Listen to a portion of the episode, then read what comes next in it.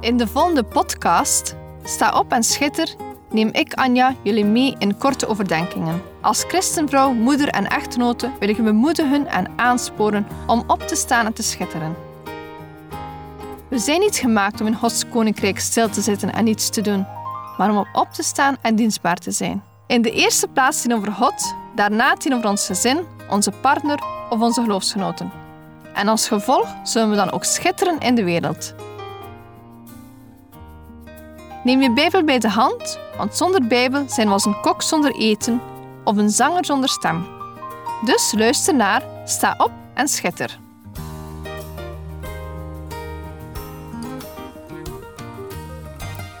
Vandaag wil ik het hebben over een wel zeer bekend gebed in de Bijbel, namelijk het Onze Vader. Ik wil starten met het stuk te lezen in Matthäus en ook een paar versen die eraan vooraf gaan. Matthäus 6, versen 5 tot en met 15. En wanneer u bidt, zult u niet zijn als de huichelaars, want die zijn er zeer op gesteld om de synagogen en op de hoeken van de straten te staan bidden, om door de mensen gezien te worden. Voorwaar, ik zeg u dat zij hun loon al hebben. Maar u, wanneer u bidt, ga in uw binnenkamer, sluit uw deur en bid tot uw vader, die in het verborgene is en uw Vader, die het verborgene ziet, zal het u in het openbaar verhelden. Als u bidt, gebruik dan geen omhaal van woorden, zoals de heidenen, want zij denken dat zij door de veelheid van hun woorden verhoord zullen worden. Bid u dan zo: Onze Vader, die in de hemelen zijt, uw naam worden geheiligd, uw koninkrijk komen, uw wil geschieden, zoals in de hemel, zo ook op de aarde. Geef ons heden ons dagelijks brood. En vergeef ons onze schulden, zoals ook wij onze schuldenaren vergeven. En leid ons niet in verzoeking, maar verlos ons van de boze. Want van u is het koninkrijk en de kracht en de heerlijkheid tot in eeuwigheid. Amen. Want als u de mensen hun overtredingen vergeeft, zal uw hemelse Vader u ook vergeven. Maar als de mensen overtredingen niet vergeeft, zal uw Vader overtredingen ook niet vergeven. Ik durf met zekerheid zeggen dat dit gedeelte dat we net gelezen hebben erg gekend is. Ik ben er zelfs van overtuigd dat ook de meeste mensen die nooit of heel zelden hun Bijbel lezen, dit gebed kennen. Maar juist daarom is het misschien niet slecht dat we het even onder de loep nemen. Heel dikwijls zijn het net de meest bekende Bijbelstukken die op den duur nog het minst tot ons doordringen. Veel mensen kennen dan ook het Onze Vader van buiten, maar staan niet meer stil bij de woorden. Het Onze Vader werd nooit geschreven met de bedoeling om het af te rammelen. Het is een gebed aan de Vader van Jezus zelf. Hij laat zien wat de inhoud van onze gebeden moet zijn. Jezus toont ons wat een perfect gebed is. Voor hij daaraan begint, wijst hij ons op het feit dat het niet gaat om gezien te worden of de veelheid van de woorden die je spreekt tijdens je gebed. Het gaat over je hart en ingesteldheid. We mogen naderen met de woorden: Onze Vader die in de hemelen zijt. Jezus leert ons om ons gebed te beginnen in de juiste houding die van een kind. Een kinderlijk geloof klinkt de dag van vandaag wat negatief, maar niet voor Jezus. Een kinderlijk geloof staat voor een geloof vol vertrouwen en maakt het leven ook een stuk eenvoudiger. We naderen niet tot een afstandelijke rechter of een onbereikbare heerser, maar tot een vader. Dit is zo mooi om echt bij stil te staan.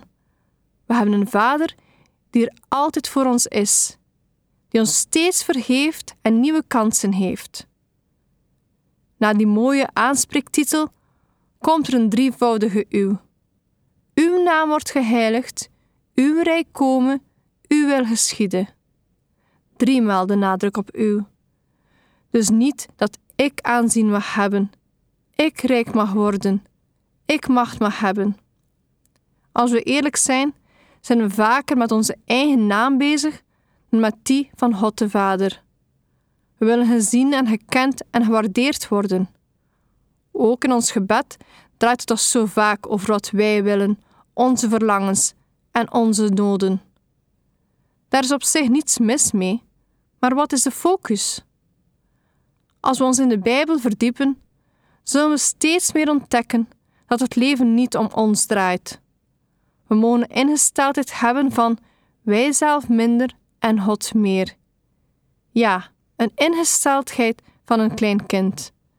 Een klein kind die gelooft dat papa alles kan en hem volledig vertrouwt. Mogen verder bidden met de woorden: Uw wil geschieden zoals in de hemel, zo ook op de aarde. Geef ons heden ons dagelijks brood. In ons bidden gaat het om de wil van God zoeken. Eigenlijk draait het hierom dat we gehoorzaam zijn aan Gods geboden, dat we ons laten leiden door de Heilige Geest. Het gebed leert ons om hemel en aarde veel meer in elkaars verlengde te zien. Bidden is dan de manier om te leren geloven dat het er bij God om gaat dat de hemel op aarde gestalte krijgt. Zijn licht, zijn leven en zijn liefde mogen ontvangen uit de hemel en uitdragen op de aarde. De hemel mag zichtbaar zijn in ons dagelijks leven.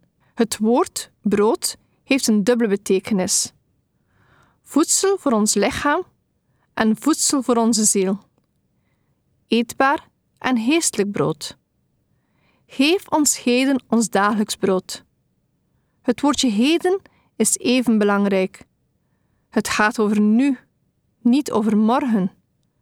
Het gaat er bij Jezus om dat we tot in onze meest elementaire levensbehoeften leren om ontvankelijk te zijn voor wat God aan ons geeft, elke dag opnieuw. Hij weet wat we echt nodig hebben, terwijl wij denken dat we weten wat we echt nodig hebben. En dan komen we bij de tekst: En vergeef ons onze schulden, zoals ook wij onze schuldenaren vergeven. Jezus leert ons om onze zonden een plaats te geven in ons gebed. Want er is maar één weg waarlangs we verlost worden van de last van de zonde. Bidden om vergeving. Jezus is de enige weg. Hij stierf voor onze zonden. Ik weet niet hoe het met jullie zit, maar ik ben niet zonder zonde.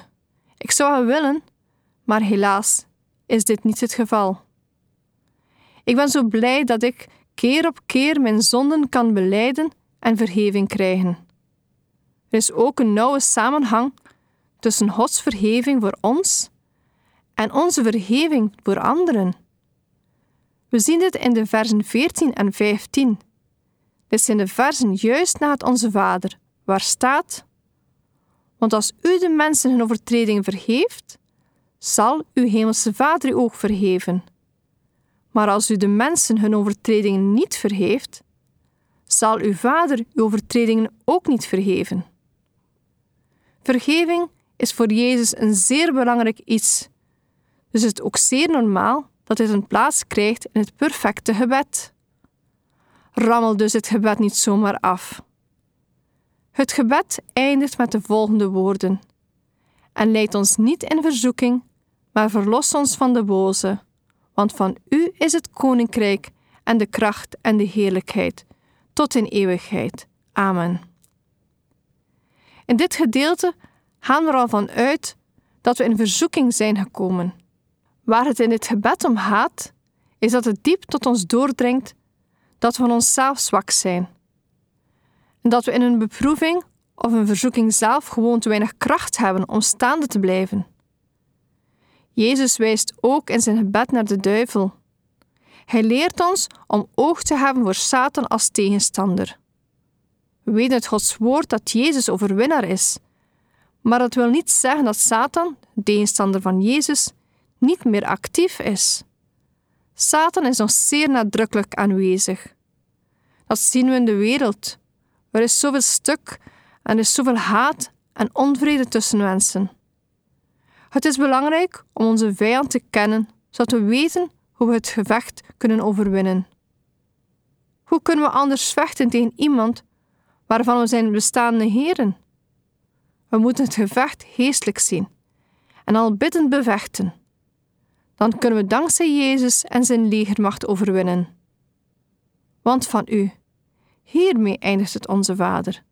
De afsluiting, want van u is het koninkrijk en de kracht en de heerlijkheid tot in eeuwigheid. Als einde een lofprijs aan God toe. God die alles in handen heeft. Van Hem is het koninkrijk, de kracht en de heerlijkheid tot in eeuwigheid. Het gebed start met God in de hemel en eindigt met God in de eeuwigheid.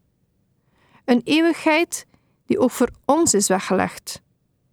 Ik wil u aanmoedigen om meer het Onze Vader te bidden en stil te staan bij Jezus, zijn perfecte gebed. Niet aframmelen, maar door de leiding van de Heilige Geest de woorden tot je te laten doordringen. Het is ook het perfecte gebed om te gebruiken wanneer je geen woorden vindt om te bidden. Ik werd erbij bepaald dat ik het gebed eigenlijk te weinig bid. Ik ben ook al snel geneigd om tijdens mijn gebed God kort te danken. En daarna ga ik al snel over naar een lijst met mijn wensen. Ik wil terug verder doen aan mijn dankboekje, waarin ik alles opschrijf waarvoor ik Hem wil danken. Naast dit boekje wil ik ook meer tijd spenderen aan onze Vader. Ik hoop dat dit ook jullie verlangen mag worden. Laat me biddend gaan opstaan, zodat we kunnen schitteren. Deze podcast kun je steeds opnieuw beluisteren via de website en app van twr.be. Als je deze aflevering leuk vond en je wilt de podcast helpen ondersteunen, deel hem dan met anderen. Heb je gebed nodig of wil je reageren op deze uitzending? Zend dan gerust een mailtje naar anja.twr.be. Bedankt voor het luisteren.